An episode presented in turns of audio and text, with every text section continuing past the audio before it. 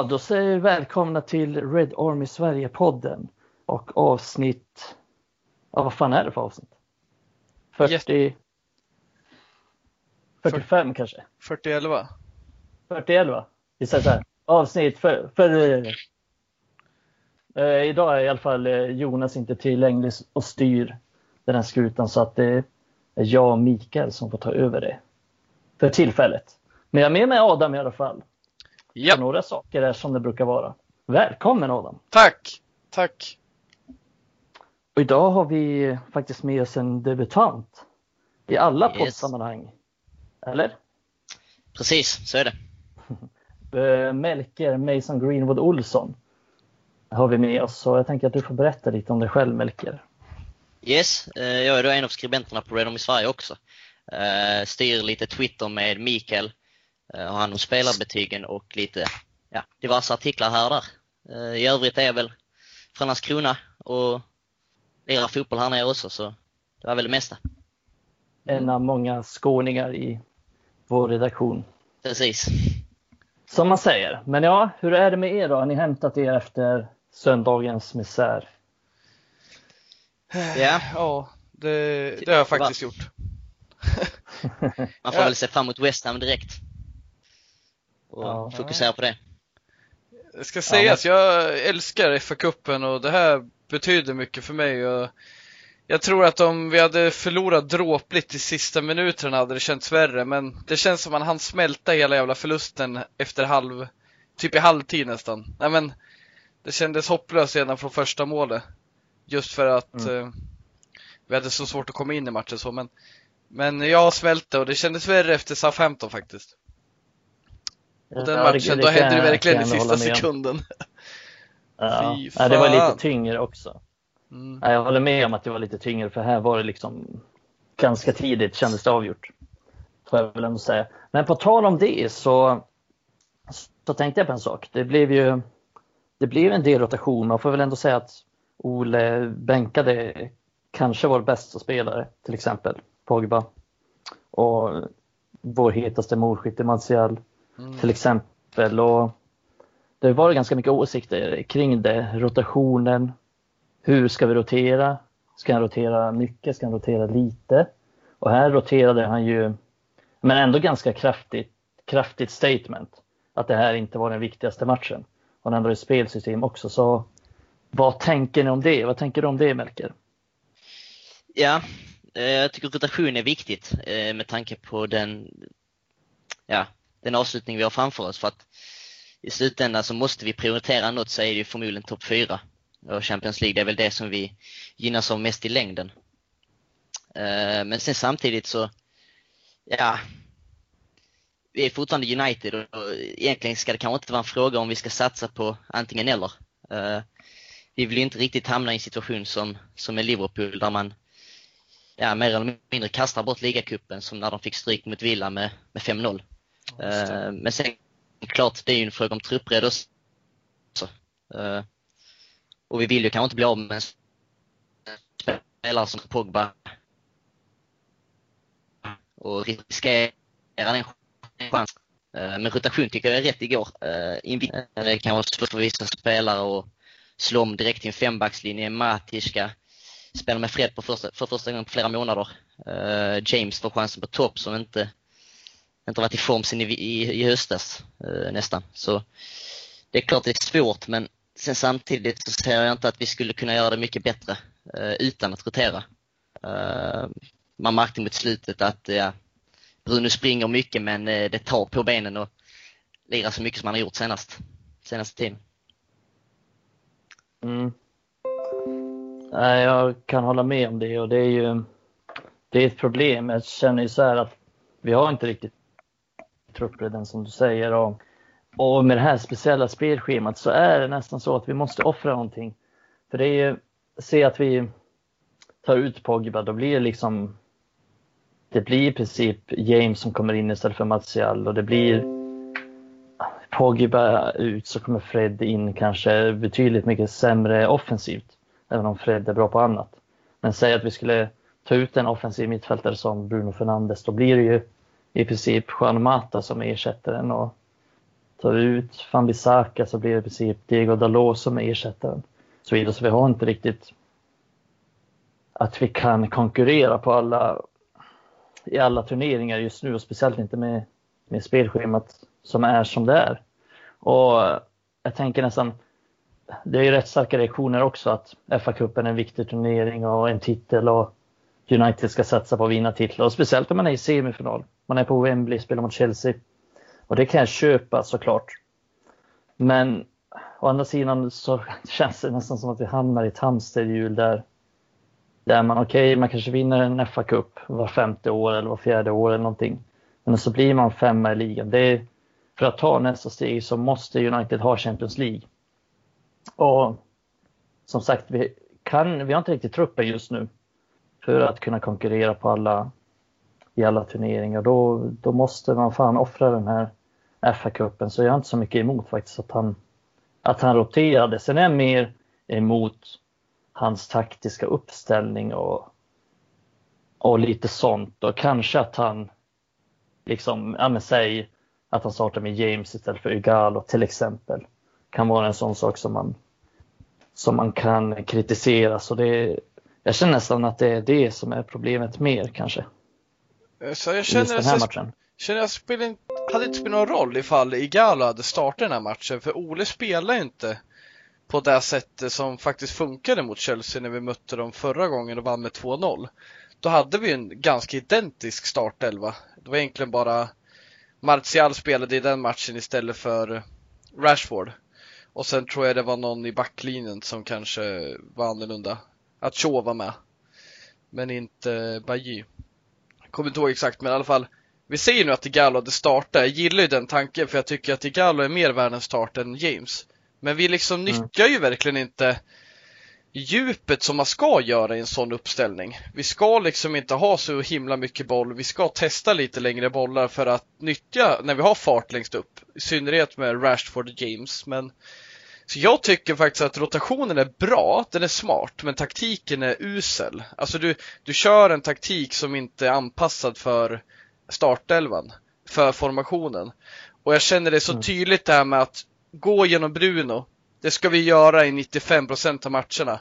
Men det var inte det som gjorde att vi vann mot Chelsea sist när vi hade Bruno från start mot Chelsea sist, det var för att höja kompetensen på tian istället för att ha Pereira. Men det var inte för att han var på planen rent tekniskt som gjorde att vi vann, det var för att vi kontrade sönder dem. Sen såg man ju att Solskär har ju tänkt till lite mer med sin defensiv. Till exempel att han körde någon slags eh, trebackslinje den här matchen va? Mm. Ja, och att han liksom funderar på ah, vad ska vi göra för att stävja deras offensiv. Men jag känner mm. att Ja men fan, han hade kunnat rotera ännu värre och jag, då hade jag varit ledsen men inför matchen, nej men det här ser bra ut men han glömde något på vägen och det var att fan vi ska inte ha så mycket boll i den här matchen. Vi ska inte försöka söka Bruno. För de gångerna som jag tyckte det hände någonting, det var när Bruno fick bollen och då slog han den direkt i djupet till James och Rashford men då är ju deras backlinje redan så lågt ner. Vi vill ha deras backlinje uppe vid mittlinjen när bollarna kommer. Det är ju då Rashford och James har kul i djupet. Men det såg vi inte av. Nej, nej, nej, jag håller med om det och det, det kan jag också känna att han, det var mer taktiken, men jag antar att han, han körde den för att eh, senast United var mot Chelsea, vill jag minnas, så mm. startade han med, med en trebackslinje och ja. så att på det sättet var det väl inte konstigt att han, att han gjorde det, men eh, det föll inte väl ut för Då var Williams så... och AVB wingbacks den matchen med. Ja, ja precis. Men då blev det lite annorlunda. Då fick, som du sa, då fick vi mer ytor och mm. men nu, jag vet inte fan vad som hände, det blev ingenting. Ja, men såg du någon inte... slå en längre boll från backlinjen när de trycker nej. upp och nej, det hände, hände ju inte. Nej, alltså det blev som att, eh, förstår vad jag menar, att vi spelade med en trebacksvis. Ole hade tanken om att ja, men vi ska spela på samma sätt mm. som då senast. Ska kontra, ska komma snabba raka bollar. Men då blev det nästan som att det blev en hybrid av allting det blev det här med possession-spelet och korta passningar på mittfältet som vi har sett på senare tid med Bruno Fernandes i laget och med Pogba i laget och så vidare. Det blev det mer. Det blev liksom det här trebackslinjen men med någon slags tiki-taka. Ja. Eh, på mittfältet som det blev det sämsta av två världar på något sätt. Ja, exakt. Är det skälpt oss fatalt, då ska man ju köra 4-2-3-1. För det hade inte gjort mig ledsen heller. Men jag kan inte, tycker, jag tycker inte konstigt att köra fembackslinje, men det ska ju förutsätta att man har rätt taktik och inställning till matchen. Till exempel när jag såg deras mittfält, så här Kovacic och, eller vänta, Jorginho och Kovacic var det va? Yep. Fan, det där ska vi bara liksom vi ska bara skära av bollar och bryta av dem. Jag tyckte Fred såg pigg ut i början. Matic med, men sen liksom Nej, det blev inte som vi ville helt enkelt. Nej, så tycker jag måste ge lite cred till eh, till Lampard också. Jag tror att i de, i de övriga tre mötena som vi har vunnit den här säsongen så har eh, Lampard ställt upp med en 4-3-3 eh, eller 4-2-3-1, vilket mm. gjort att vi har kunnat nyttja både Williams och Ambisaka på eh, de har haft rätt mycket ytor och även Shaw har kunnat liksom avancera framåt. Men eh, igår så, ja, han matchade helt enkelt eh, Ola och la fram en 3, 3 slash 5 backslinje och Absolut. man märkte ju direkt att Reece James hade ju övertag på Williams hela matchen och ja. Alonso och Ambisaka, mm. det var ju lite jämnare men fortfarande eh, åt Alonsos favör så mm. eh, cred till Lampard där. Absolut, ja, han har ju varit lite naiv i tidigare matcher Lampard. Och här mm. då tänker han faktiskt på defensiven så jag håller med. Och de blir inte lika blottade. Till exempel har de ju haft Rashford och James som hot tidigare på kanterna. Nu har de ju säkrat mm. upp så de har haft två ytterbackar i princip. Och, nej, men det, han har ju tänkt till. Det tog eh, fyra matcher för han att vakna liksom. mm. mm. Och sen hade de William också som kom ut på kanten mot, mot Williams. Yeah. det blev ju det blev väldigt tufft för honom. Och, och då kan vi väl komma tillbaks på det med, med truppbredden och rotationen. Och för att jag tror inte att Williams hade startat den här matchen om Shaw var frisk eller om det fanns andra alternativ på ytterbacken. För jag tror att det var väldigt, han hade inga ytterbackar. Han ville inte köra Fosumensa igen eftersom han spelade 90 minuter första gången sedan Sundsvall brann. Mm. Så då, då var han tvungen att spela Williams. Han eh, stressade honom tillbaks tror jag. För att han fick ju en ganska rejäl smäll och, och mm. sådär. Så jag tror inte han var riktigt mentalt redo heller att, att spela kanske. Nej, så är det ju. Annars hade jag, skulle inte förvåna mig, förvånat mig heller om Ola hade ställt upp med samma formation men sen kört ner eh, Luke Shaw som vänster innerback och eh, ja, eh, tryckt ut Bailly till bänken så som vi har gjort någon gång tidigare. Mm. Men, eh, och Shaw har ju varit väldigt bra i den rollen när vi har mm. sett han. I alla fall majoriteten av matcherna. Och, I stort sett felfri tycker jag nästan när vi ja. spelar. Det var ja, därför jag, jag inte trodde att jag skulle spela så här. För att Shaw inte var med. Jag trodde inte mm. han skulle se det lika naturligt liksom. Nej, och sen kommer vi, kommer tillbaka till den här truppen som jag också har tänkt på en del. Det är ju att han har inte så mycket att laborera med. Jag tycker United ser extremt jävla trötta ut. Ja. Eh, det kan man se de senaste matcherna, även om vi går tillbaka mot så 15 eh, så tyckte jag redan då att United såg trött ut och han plockade ju Pogba efter en timme redan i den matchen för att han såg så jävla sliten ut. Och sen mot Palace och ja, det var ingen kanonmatch heller direkt. Och även om han har gjort ganska tidiga byten och kunnat göra det och vunnit, vunnit mycket så har han ju, ja det har ju i princip varit samma elbow och, och det blir, det har vi märkt och det har vi nämnt någon gång här tidigare också att det blir som väsentligt stor skillnad när, när avbytarna kommer in. Alltså det blir sån enorm kvalitetssänkning. Mm. Och just därför har han väl inte velat byta så mycket heller. Men nu känns det som att vi har kommit till en, till en punkt där dess, de som spelar är helt slut. Och de som kommer in är så enormt mycket sämre. Vilket ja. gör att det blir, och, och, och, som sagt med alla de här turneringarna nu så blir det, då vill jag gå lite till försvar för Ole. Jag tycker inte att, okej okay, han, han var, gjorde fel taktiskt den här matchen men jag tycker inte att han rent så här spelarmässigt kan göra så mycket mer. Han kan ju inte de, några på bänken är helt enkelt för dåliga. Så han har inte så mycket att trolla med. Nej, det är sant. Det är nog där jag tycker vi behöver ha fokuset främst i sommar. Uh, är det värt kanske att plocka in Sancho för, ja, uh, 100 miljoner euro uh, när vi, när ekonomin är som den är. klubben har förlorat massa pengar. Är det kanske inte bättre då att försöka förstärka truppen? För det är, just nu känner jag att vi har ändå en konkurrenskraftig startelva och en ganska fastslagen startelva. Men jag tror inte att det är någon riktigt som behöver känna sig hotad. Uh, vi ser att Rashford gör 4-5 dåliga matcher. Han känner inte det flåset i ryggen för att han vet om att James kommer inte ersätta han i längden. Uh, Pereira kommer inte ersätta han i längden. Och det är någonstans, vi måste nå uh, en trupp som liksom kan konkurrera på flera fronter. Mm. Där spelare hela tiden känner flåset i ryggen att ja, fan jag måste prestera för att fortsätta hålla kvar min startplats. Mm. Så ja. Nej, ja, precis. Nej, jag håller med om det. Men Sancho skulle ju dock bidra till den truppredden eftersom han ja, kommer in absolut. och förmodligen konkurrerar om en startplats i elvan och då kommer, om vi säger att alla är friska, då kommer ju någon av Rashford, Greenwood, eh, Martial, Sancho sitta på bänken och då får vi helt plötsligt en jävligt bra inhoppare. Så att eh, jag tycker att han bidrar både till, om vi skulle köpa honom, att han bidrar både till spets, kan spela på högerkanten, vilket vi inte har jättemånga av. Jag eh, ser inte Greenwood där i framtiden direkt heller. Så att eh, på så sätt så tycker jag att han, han skulle bidra till, till båda delarna. Men ni kommer väl komma in mer på silly season i något annat avsnitt. Yes. Ja, så att ja, det nu är det ju ute ur FA-cupen och då är det ju liksom, nu är det bara topp 4 och Europa League som kommer lite senare som vi har kvar, att kvar att spela om så att det är väl bara gå all in liksom.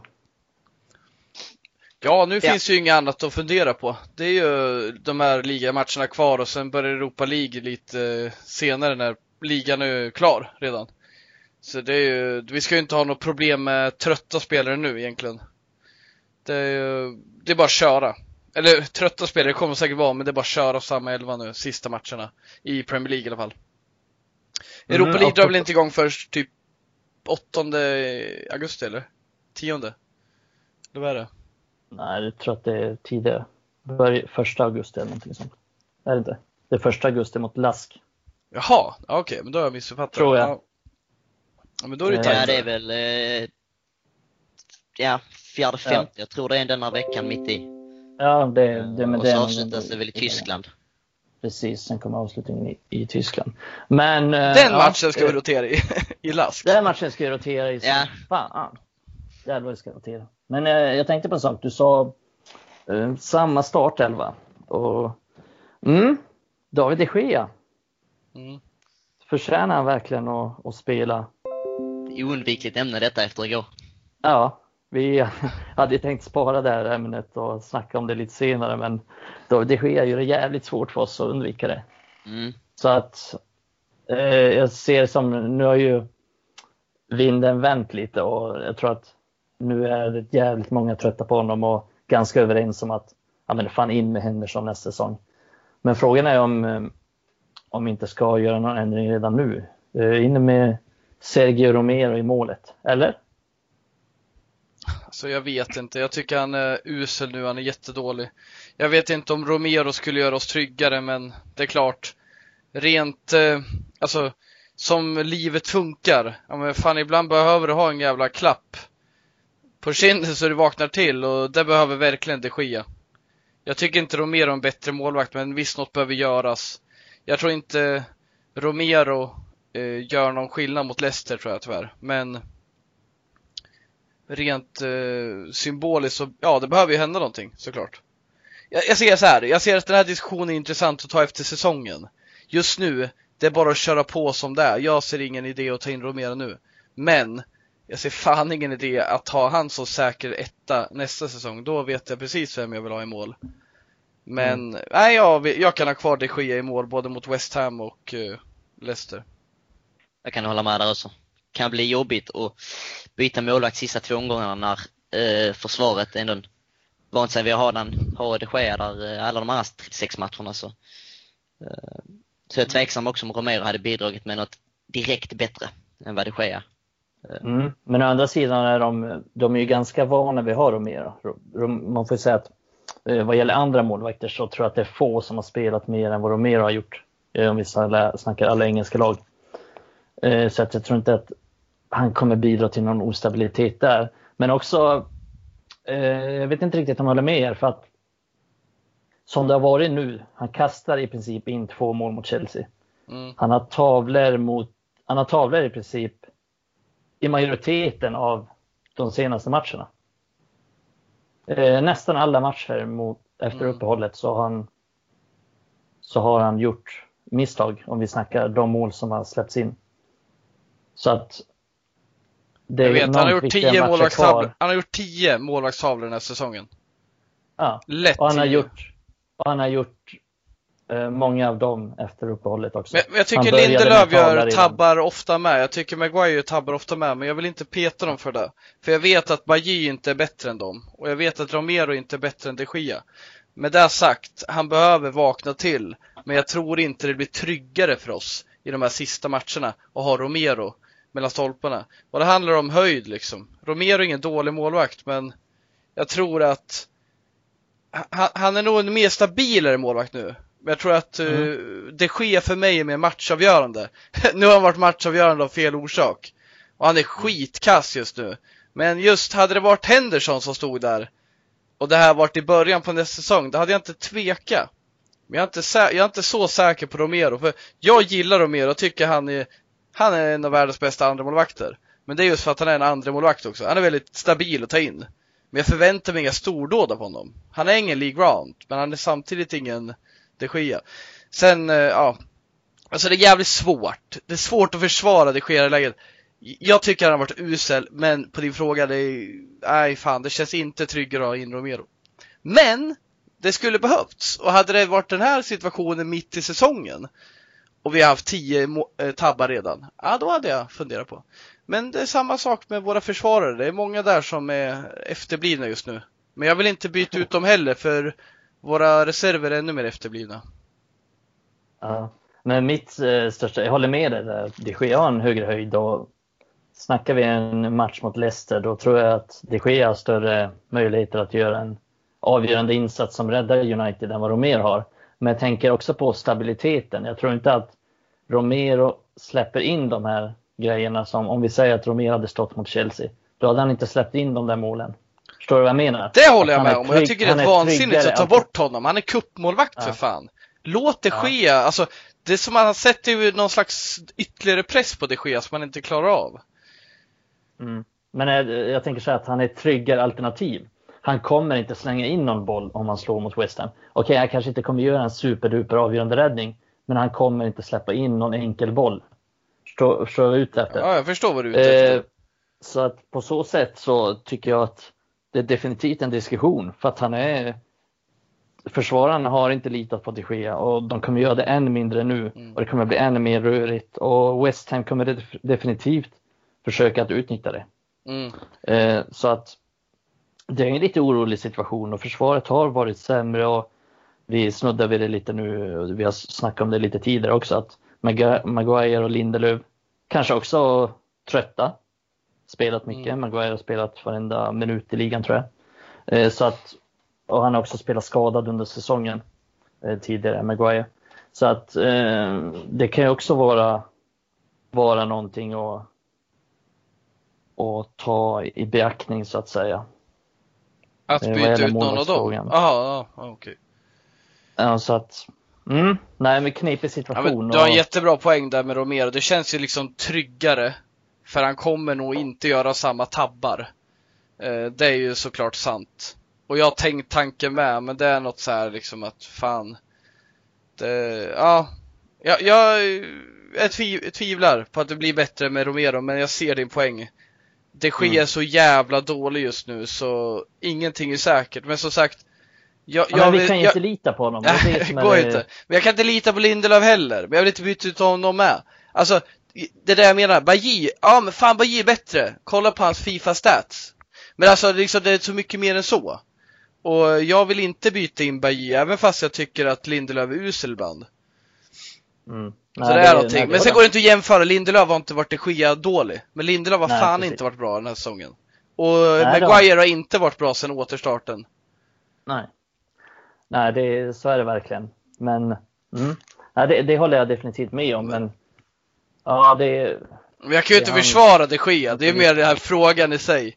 Ska vi det? Nej men jag tycker inte det, men jag kan inte försvara honom. Han har varit så jävla dålig. Och igår, då kände jag precis som du sa, om det nu är några som är kvar och sitter liksom håller upp honom som fortfarande världsklass eller vad det är, De får släppa det nu. Han är inte ens eh, bäst i, nära på att vara bäst i ligan just nu. För fotboll är färskvara. Vi kan liksom inte gå på gamla meriter hur länge som helst. Nej, och Ole sa ju faktiskt för inte så länge sedan att han är världens bästa målvakt. Och det tror jag inte Var det till hans fördel eller? Jag tror inte att han... Var det till lagets fördel? Dummaste ja, jag, jag hört. Jag, jag, jag, tror inte att han tror det, eller att han trodde det då. Men nu fick jag verkligen känslan eh, så här, efter matchen, med uttalandet från Ole efter matchen och så vidare. Nu fick jag verkligen känslan att nu är det fan nog. Uh, nu har Ole fått nog av honom. Så jag tror fan, jag, jag har tidigare varit säker på, ja men det sker, jag kommer spela. Uh, fast han gör tabbar, men nu är jag fan inte lika säker längre. Jag tror mycket väl att han kan byta in Romero mot West Ham. Uh, och jag tror att han, och vad gäller beslut om framtiden så tror jag att det var droppen igår. Faktiskt. Jag tror ja, men... att han kommer satsa på Henderson till nästa Det skickar faktiskt ut lite fel signaler till truppen också, att man får göra bort sig gång på gång utan att uh, mm. få bassa. Så. Uh, så det är klart. Men han, han, det ska sägas om Solskär, det är ändå en fin egenskap han har. Man har ju varit rätt besviken på många spel den här säsongen, men han har gett dem fortsatt chanser och sen har de kommit igång igen. Eh, Pereira är ingen sån, men Martial är en sån. Och Shaw mm. är en sån. Hur mycket mm. jävla tro har han inte haft till Shaw? Så, ja, ja. Han, är, han har haft tro till i princip alla spelare mm. som han har spelat. Det är få han, han har gett chansen till i princip alla spelare. Mm. Eh, de har fått bevisa vad de går för och de har fått chans på chans på chans. Mm. Både till det positiva och till det negativa. Men eh, han har, han har verkligen han är ju bra på det. Han, är ju, han har ju fått truppen i harmoni, han har fått truppen att trivas tillsammans och han har fått jag tror att alla, alla, verkligen alla spelare i truppen gillar Ole. Eller gillar, det är klart någon inte tycker om honom lika mycket som någon annan, men jag tror att de flesta tycker att han är minst helt okej. Okay. Sen är det några som älskar honom och några som tycker att han bara är helt okej. Okay. Men jag tror att alla verkligen accepterar honom och, och köper det han gör och så vidare ja, på, på det sättet så har det varit en ganska stor skillnad gentemot eh, Mourinho. Eh, mm. där var det rätt tydligt att det var någon spelare varje säsong som var lite mer frysboxen än, än alla andra. Uh, så Ole ska verkligen ha cred för att han skapat den harmonin som du säger. Uh, och det känns verkligen som att truppen är, är på ett bra ställe just nu. Ja, verkligen. Alltså, Ola har ju verkligen tinat hjärtat på både Pogba, Martial, Shaw som haft så jävla ont i arslet efter Mourinho. Alltså det är sådana bra spelare som han har fått igång. Och som varit riktigt dålig innan. Men jag tycker inte Shaw är tillräckligt bra, men jag tycker han har blivit bra under Solskär. Bättre än jag trodde han skulle vara. Och jag tycker Martial, jag vet inte vart det här ska sluta, så bra han är nu. Ja. Han har förmodligen fått ut max. Pogba, inget nytt under solen. Vi vet att han är så bra. Tack för att du får igång honom och att han spelar bra fotboll. Men Martial mm. trodde jag inte skulle bli så här bra som han varit nu. Mm. Han har verkligen utvecklat Martial och det med Pogba tror jag, att, tror jag mycket att Pogba alltid varit bra. Men Pogba behöver kanske vara i ett fungerande lag och Pogba behöver må bra själv. Och där tror jag att Ole har varit till stor nytta. Alltså det är stor skillnad mellan Ole och, och Mourinho såklart. Men eh, definitivt det som har fått igång Pogba, det är att Ola skapar bra stämning och jag tror att Ola ger honom lite, men lite frihet. Han känns som en riktig sån spelare att är allting bra runt omkring så är det fokus på planen också. Uh, är han inte nöjd med läget i, i klubben som precis när han blev utfryst under Mourinho och nästan till uh, utskälld framför, uh, rakt framför Sky Sports så då blir det också att han gör det nonchalant på planen men ja, Nej, Ola har gjort det jäkligt bra på den fronten. Mm, det har han. En bra Pogba. En bra Pogba, en bra Pogba.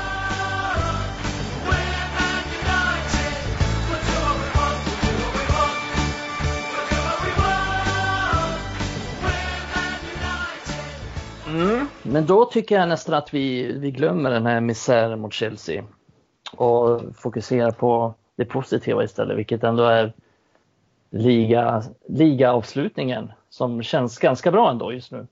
Och vi möter West Ham på, på onsdag, en match där ja, det ska väl bara bli plockas tre poäng, särskilt efter Chelsea-matchen nu va? Eller vad säger ni?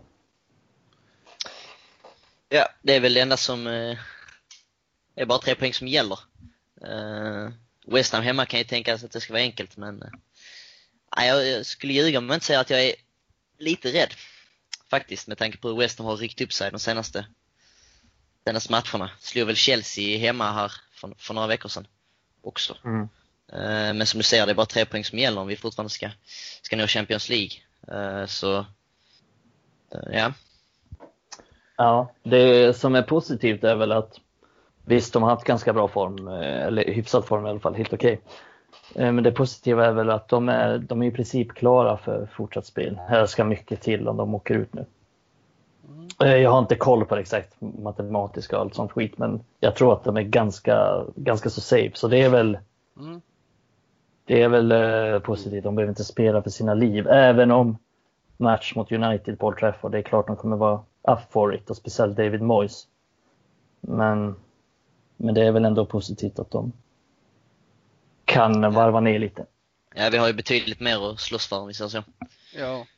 Alltså under tisdag kväll så möter de ju Arsenal och vinner de inte den matchen eh, Aston Villa, deras konkurrenter, förlåt, ska vara mer tydlig. Deras konkurrenter Aston Villa, om de inte vinner mot Arsenal tisdag kväll, då är, är West Ham säkra eh, till nästa mm. års upplaga. Eh, och det kommer såklart påverka matchbilden, för de lär ju vara lite halvt bakfulla till den matchen. Nej men, det förändrar oavsett och sen tror jag som du säger Mikael, oavsett så eh, är de inte så mycket i riskzonen ändå. Men finns det poäng att vinna för eh, West Ham om Aston Villa skulle vinna då, då är det en annan femma. Men jag tycker det är intressant för det här West Ham vi möter det är ett helt annat gäng än det vi mötte i höstas. Eh, bland annat har de ju en ny tränare i vår gamla vän, ja oh, hur fan, otäckarna, David vän. Moyes. David Moyes är tillbaka. Men, men det jag vill komma till lite att de, de hade ett rätt intressant lag i början på säsongen med Pellegrino som tränare och eh, många av de spelarna som var bra i matchen när vi förlorade mot West Ham i hösten 2019 som var vårt första möte i Premier League denna säsong. Det är ju liksom Felipe Andersson, eh, Sebastian Allaire, eh, Jarmolenko var ju i form och var ju bra då. Sen har ju West Ham tappat och det som har fått igång dem, det är ju helt andra spelare som inte riktigt var tänkbara att ta dem till segrar. Eh, sådär som Antonio, han, han blandar ju och ger. Men nu är han ju ligans främsta målskytt sen återstarten. Och ja en annan spelare... Fyra, match, fyra mål i en match. Ja, precis. Och det, ja men det är ändå det säger ju om mycket om hans kapacitet just nu. Och det är ju en spelare som är bra i perioder. Oavsett om man är höger... Danny Welbeck. Ja, men oavsett om man är högerback, högermittfältare eller anfallare så är han bra när han är bra. Ja. Och jag tror det är ju det som har fått igång dem för det är en lite annan taktik än de hade eh, när vi mötte dem. De var ett omställningsspelande lag men lite mer tekniskt skickliga än de är nu. Lite rakare idag. Och han Gerald Bowen trodde jag inte skulle vara så bra som han har varit i den här eh, delen av säsongen. Men det är också en... Han har lyft dem rejält. Absolut. Han, jag trodde inte han skulle vara så bra när han kommer så här. En utpräglad Championship-spelare men hög nivå från honom och det vill komma till lite att vi ska liksom inte riktigt jämföra med vad vi mötte sist. Det är ett helt annat lag egentligen. Det är en helt annan offensiv. Mm. Det är väl Thomas Zuzek där i, eller hur man nu uttalar det, eh, där också som kom väl i vintras eh, mm. från, ja, Slavia Praha, Praha tror jag, ja. i, i Tjeckien. Tycker han har gjort det väldigt bra tillsammans med Bowen. Mm, han har ju varit bra och, och Declan Rice har väl också spelat upp sig lite, är känslan. Mm. Min det, känsla det av det Moise har gjort nu, det är att han har ju lokaliserat vilka som är hungriga och vilka det är som man kan lita på nu när vinden blåser. Och då har han ju hittat spelare som har allt att bevisa. Och Filippa Andersson, all, all, all kärlek till honom, tycker jättebra spelare. Men någonstans finns det ju där, han har ju inte liksom varit borta för att han haft någon långtidsskada eller så. Det är ju något annat där som klämmer. Så han har ju ett hungrigt gäng. Men förhoppningsvis är de inte så hungriga om nu Aston Villa tappar poäng mot Arsenal. Mm. Ja, men de har ju en del kvalitet i sin trupp och jag tycker även om de får till en bra startelva så tycker jag att de har, eh, de har grejer att laborera med och kunna slänga in och förändra matchbilder. Ja. Med bland annat Filippe Andersson och Jarmolenko och så vidare. Och så vidare. Så de, har ju, de har en del potential, ganska, ganska många bra spelare. Mm.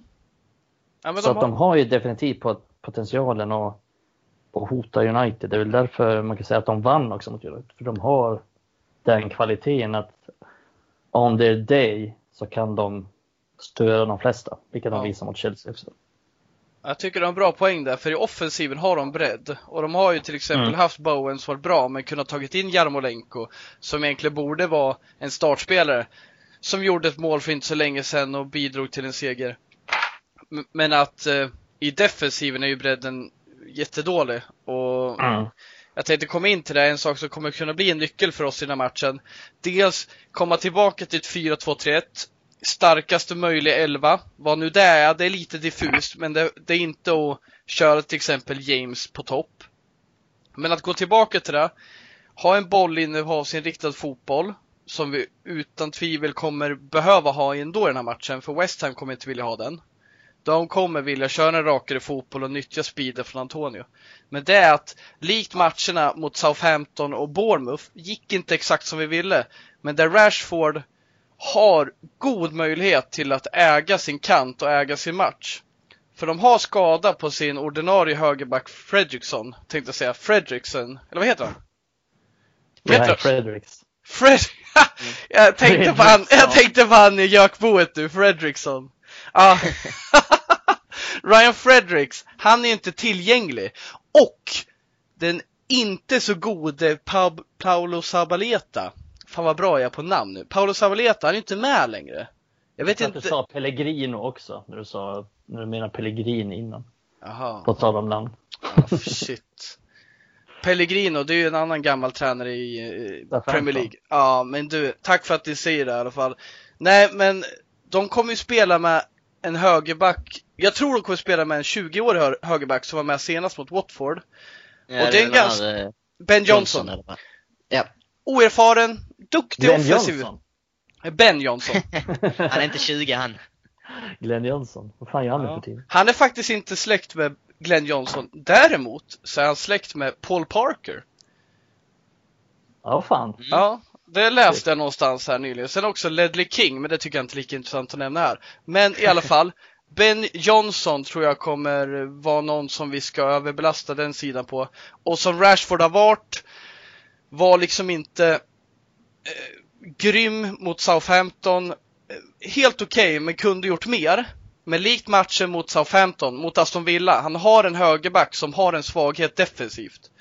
För jag gillar Walker Peters i Southampton, men han är inte grym defensivt.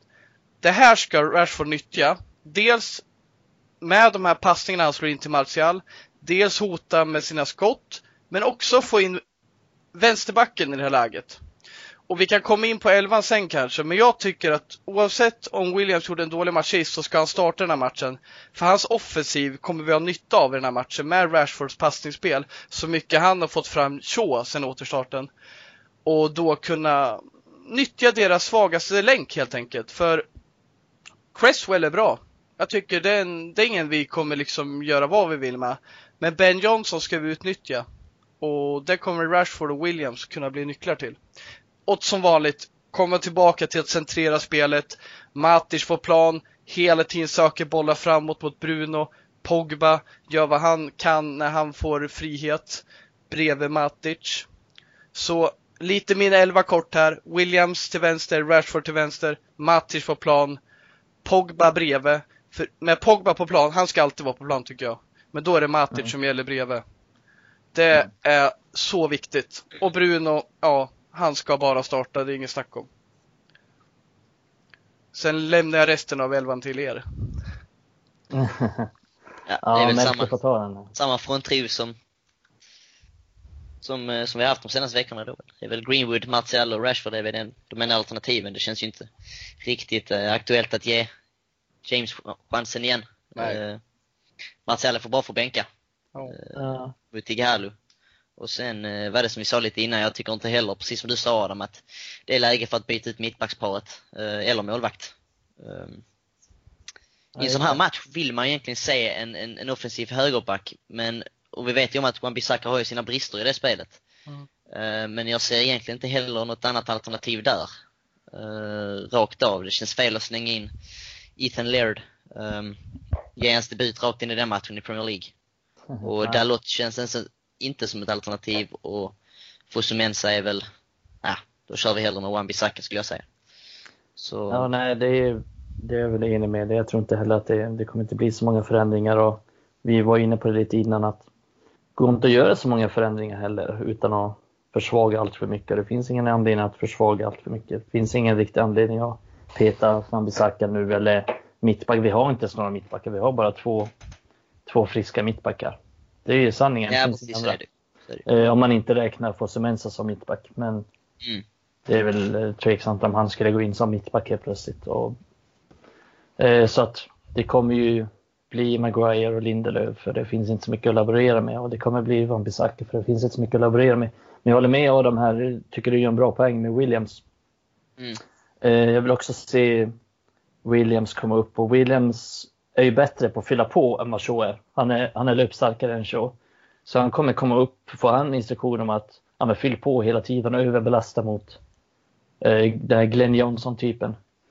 Eh, då, då kommer det ju då kommer han få problem för det är, Rashford har utvecklat sitt passningsspel och jag antar att det är hans passningsspel han utvecklar och inte bara samarbete med Shaw för han har hittat Martial, han har hittat andra på ett mycket bättre sätt än han har gjort innan. Eh, så att jag tror att det kommer upprå upp jävligt mycket. Jag tror att vi kommer skapa mycket om vi får till det samarbetet där med Rashford och Williams och, och överbelasta det på kanten och det är ju Rashford.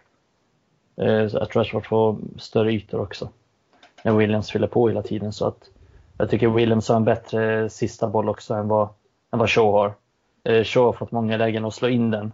Men det är inte riktigt hans styrka. Han har misslyckats nästan alltid med sina inlägg och sina inspel. De går ofta rakt på gubben.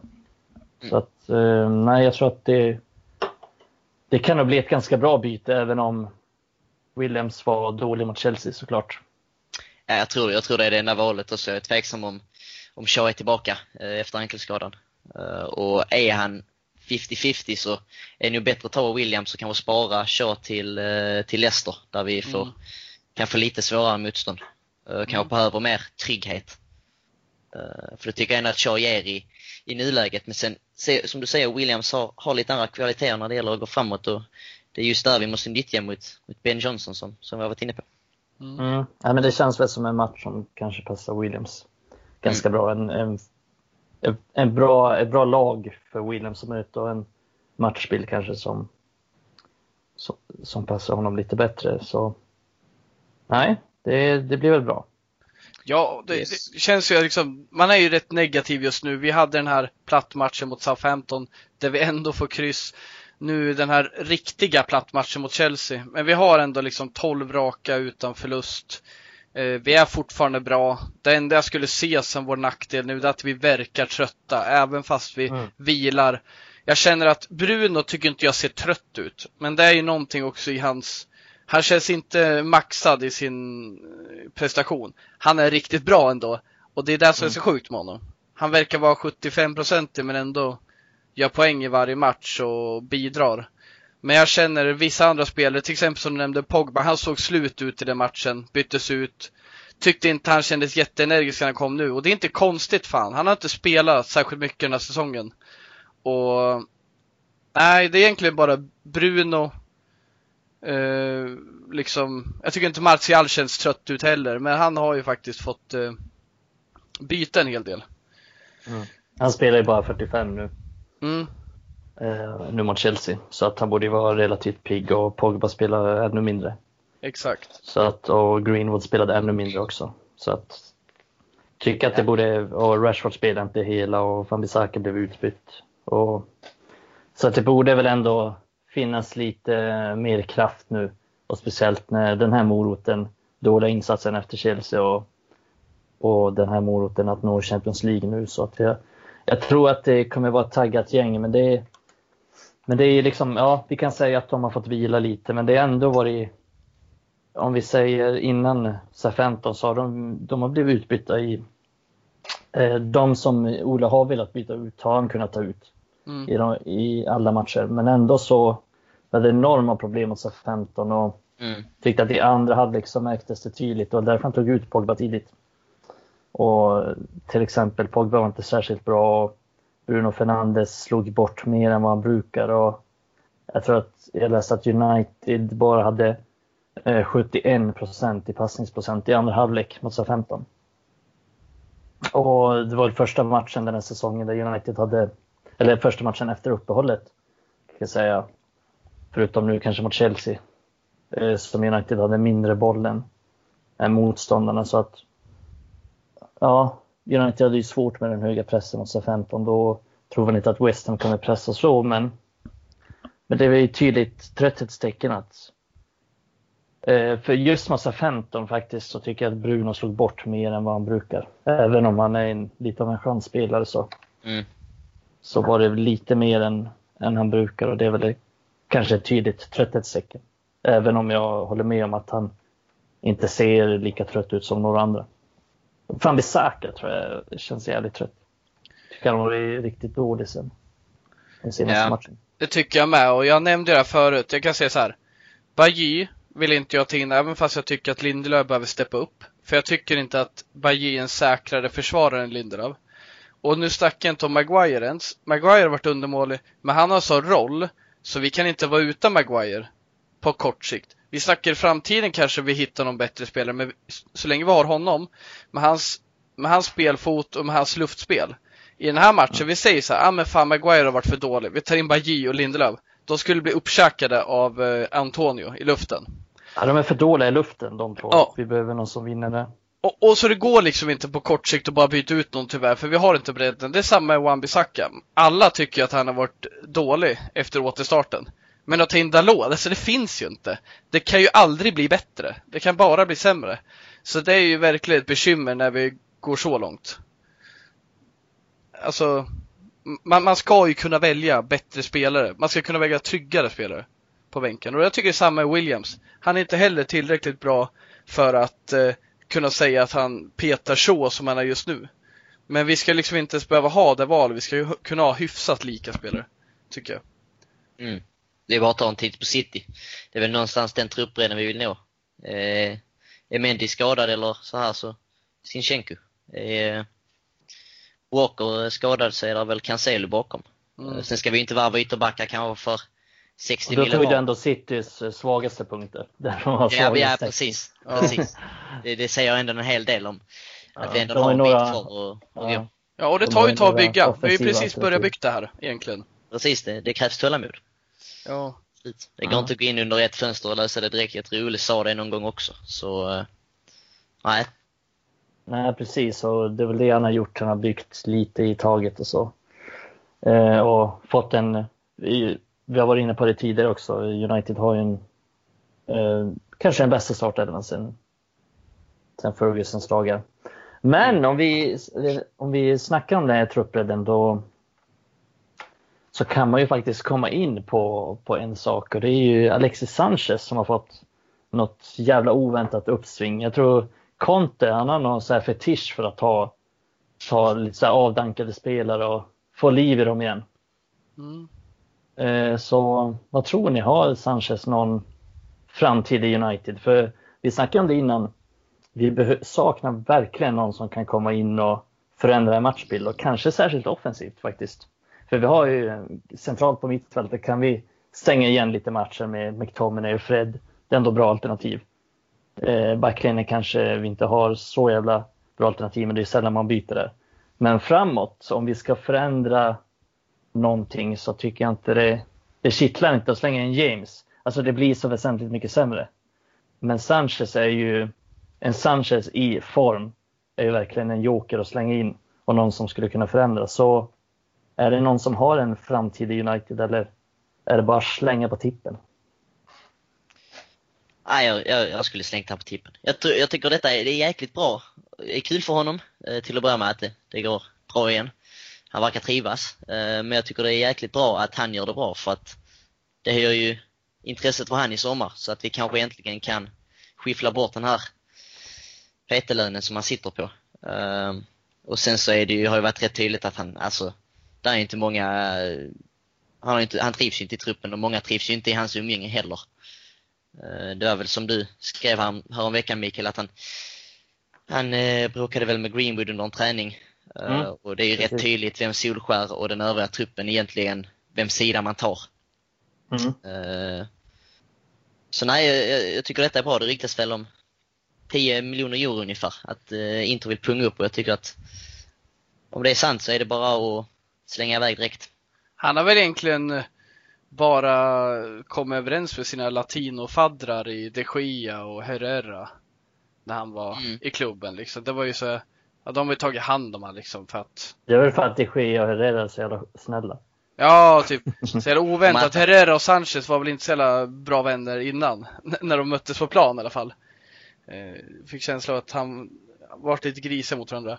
Men eh, alltså jag känner väl att fantastisk spelare. Vi köpte han och vi gav honom en, en av ligans högsta löner tack vare att han var en av ligans absolut bästa spelare när han kom. Eh, kändes fantastiskt tyckte jag när han kom just för att vi hade inte så mycket eh, som talade för oss framöver men att få in en sån jävla spelare skulle kunna bli en, eh, vad ska man säga, en markering på att vi är på gång. Men det blev skit mm. och jag snackade med folk om det här att ja, men lönen, nej men det var väl inte så jävla konstigt då egentligen. Det var ju för mycket, men man förstår ju att det kanske inte hade blivit till om inte han hade fått en hög lön. Men där vi sitter idag och alternativet och som du säger, är det någon att slänga in någon att bredda med? Ja, det är helt, det är helt bisarrt att kunna ha någon med så hög lön i klubben. Jag kan säga att jag är gladast av alla att han gör bra ifrån sig för inte, för då har han närmre till tippen eh, från United. För det finns ingen långsiktighet där. Med det sagt, fantastisk spelare, skulle verkligen kunna komma igång, men oavsett, jag skiter i om jag får, om jag får en garant på att han gör 10 mål eh, och 5 assist nästa säsong, så vill jag ändå skeppa honom. För vi måste se över våra, vår lönestruktur. Och det börjar med honom. Och sen kommer det till de Gia sen också. För de Gia kommer inte heller vara startspelare de närmsta åren. Han sitter också på en enormt hög lön. Mm. Är det eh. risk att det blir lite samma scenario där? Sannoliken, sannoliken. Och nej men alltså får vi möjlighet nu när han är bra. För tar vi in han nu och ser jag dåligt från sig, då får vi inte den chansen igen. Men det gäller ju att klubbarna kommer överens och om de kan ge en symbolisk summa på 10 pund så gör det.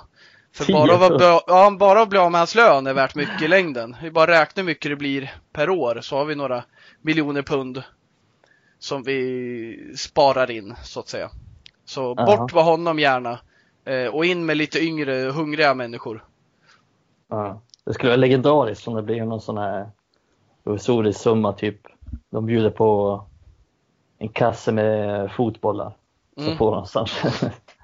nej, men det, ja, nej, men jag tänkte så här på, på kort sikt ändå. Han har eh, sen uppehållet så tror jag att han har, jag kollade för någon dag sedan, han sex starter och två mål och sju assist på sex starter.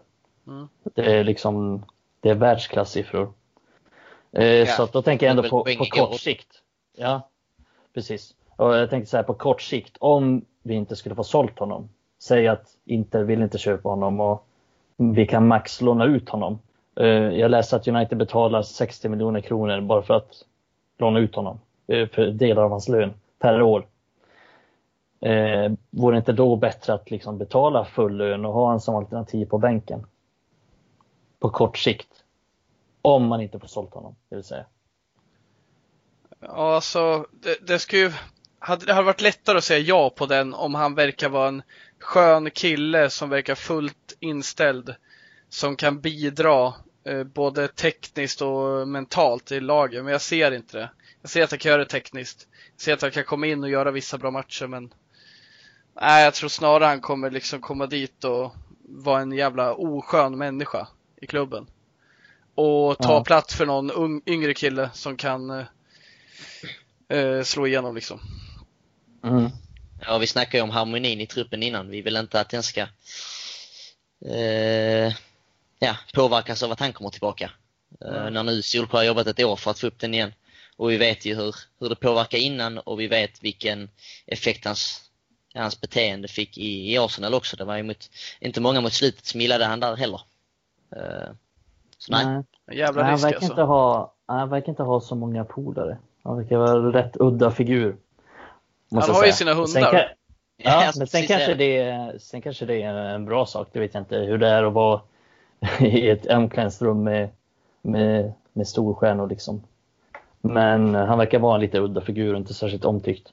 Nej, jag, jag håller nog med er i, i grund och botten. Liksom. Visst, han gör det bra nu och även om även om man inte skulle vara sålt honom så tycker jag att United måste göra allt för att bli av med honom. Liksom. Det tåget har gått. Visst, vi gjorde ett misstag. Det är... Han kommer säkert kunna göra någonting, någon slags skillnad, något mål i något inhopp eller så, men han kommer aldrig starta i någon viktig match och nej, fuck it. Liksom satsa på andra istället. Det försöker bara bli av med honom. Men jag tror att jag tror att det, det realistiska är faktiskt att det går att bli av med honom nu efter den här fina sommaren och våren. Så att eh, det är väl inget att orda om. Nej. Däremot hade jag. jag. däremot hade jag kunnat tänkt mig att ta in Chris Smalling som en reserv. Mm. Tror han hade passat i många matcher i den här ligan faktiskt. Tror att vi har mm. väldigt många lag som vill kontra mot oss och slå lite längre och han är både snabb och bra i luften. Mm. Ja, Passningsspel behöver vi inte nämna. ja, absolut. Men problemet där är väl att han, precis som Sanchez, han vill ju inte sitta på bänken. Han vet Nej. att han är bättre än det. Inte att han är mm. bättre än Lindelöf eller Maguire, men att han är, han kan komma till Premier League och spela i Wolves eller i Everton, något sånt lag. Det tror jag. Mm. Han gick rakt i Roma och blev en nyckelspelare alltså. Ja, och det... Så det är ju en lite annan nivå såklart i, i liga, men, men fortfarande. Han vet om att han håller. Mm. Ja, men det är, det är lite intressant just det att United har skeppat en del mittbackar som, som kanske håller nästan bättre i vissa fall och i många fall är lika bra nivå som de som vi har nu. Jag tänker ju på Johnny Evans såklart. Det är inte så att Evans är sämre än vad Lindelöf är till exempel. Det tycker jag inte. Så att vi, det är några misslyckade grejer på, på mittbackspositionen de senaste åren och det är väl kanske någonting en position som har blivit lite mer akut att förstärka. Men det kommer vi som sagt komma till, komma till någon annan gång. Men eh, det var, det var allt vi hade för den här gången. Mm, Så jag får, ja, får tacka Melker för en fin debut i poddsammanhang. Kul att du var med Melker. Tack så mycket. Kul att du var med. Taggar vi som fan till West Ham. Jag har varit taggad på den matchen ända sedan uh, vi åkte ur uh, Chelsea. Uh, mot Chelsea. Ja, då var du taggad i 20 tippar. Ja men just det, som att man har smälta matchen under, smälta resultatet under matchen och kunde tänka framåt och just att fan, nu greppar vi Champions League-platsen här. Verkligen, verkligen. Så, så känner jag också. Jag är taggad på den och jag tror det känns ganska bra ändå trots allt. Jag, jag tror på en säker vinst. Nu vänder det. Så, men ja, och vi vill som vanligt tacka er kära lyssnare för att ni har lyssnat och för att ni står ut med, med vårt snack och att ni faktiskt verkar uppskatta det. Så vill jag som vanligt påminna er om att Följ oss på alla sociala medier, Facebook, Twitter, Instagram, ehm, Spotify, allting ni kan komma på.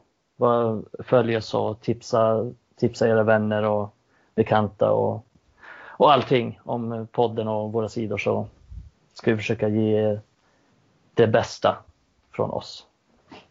Eh, hej då!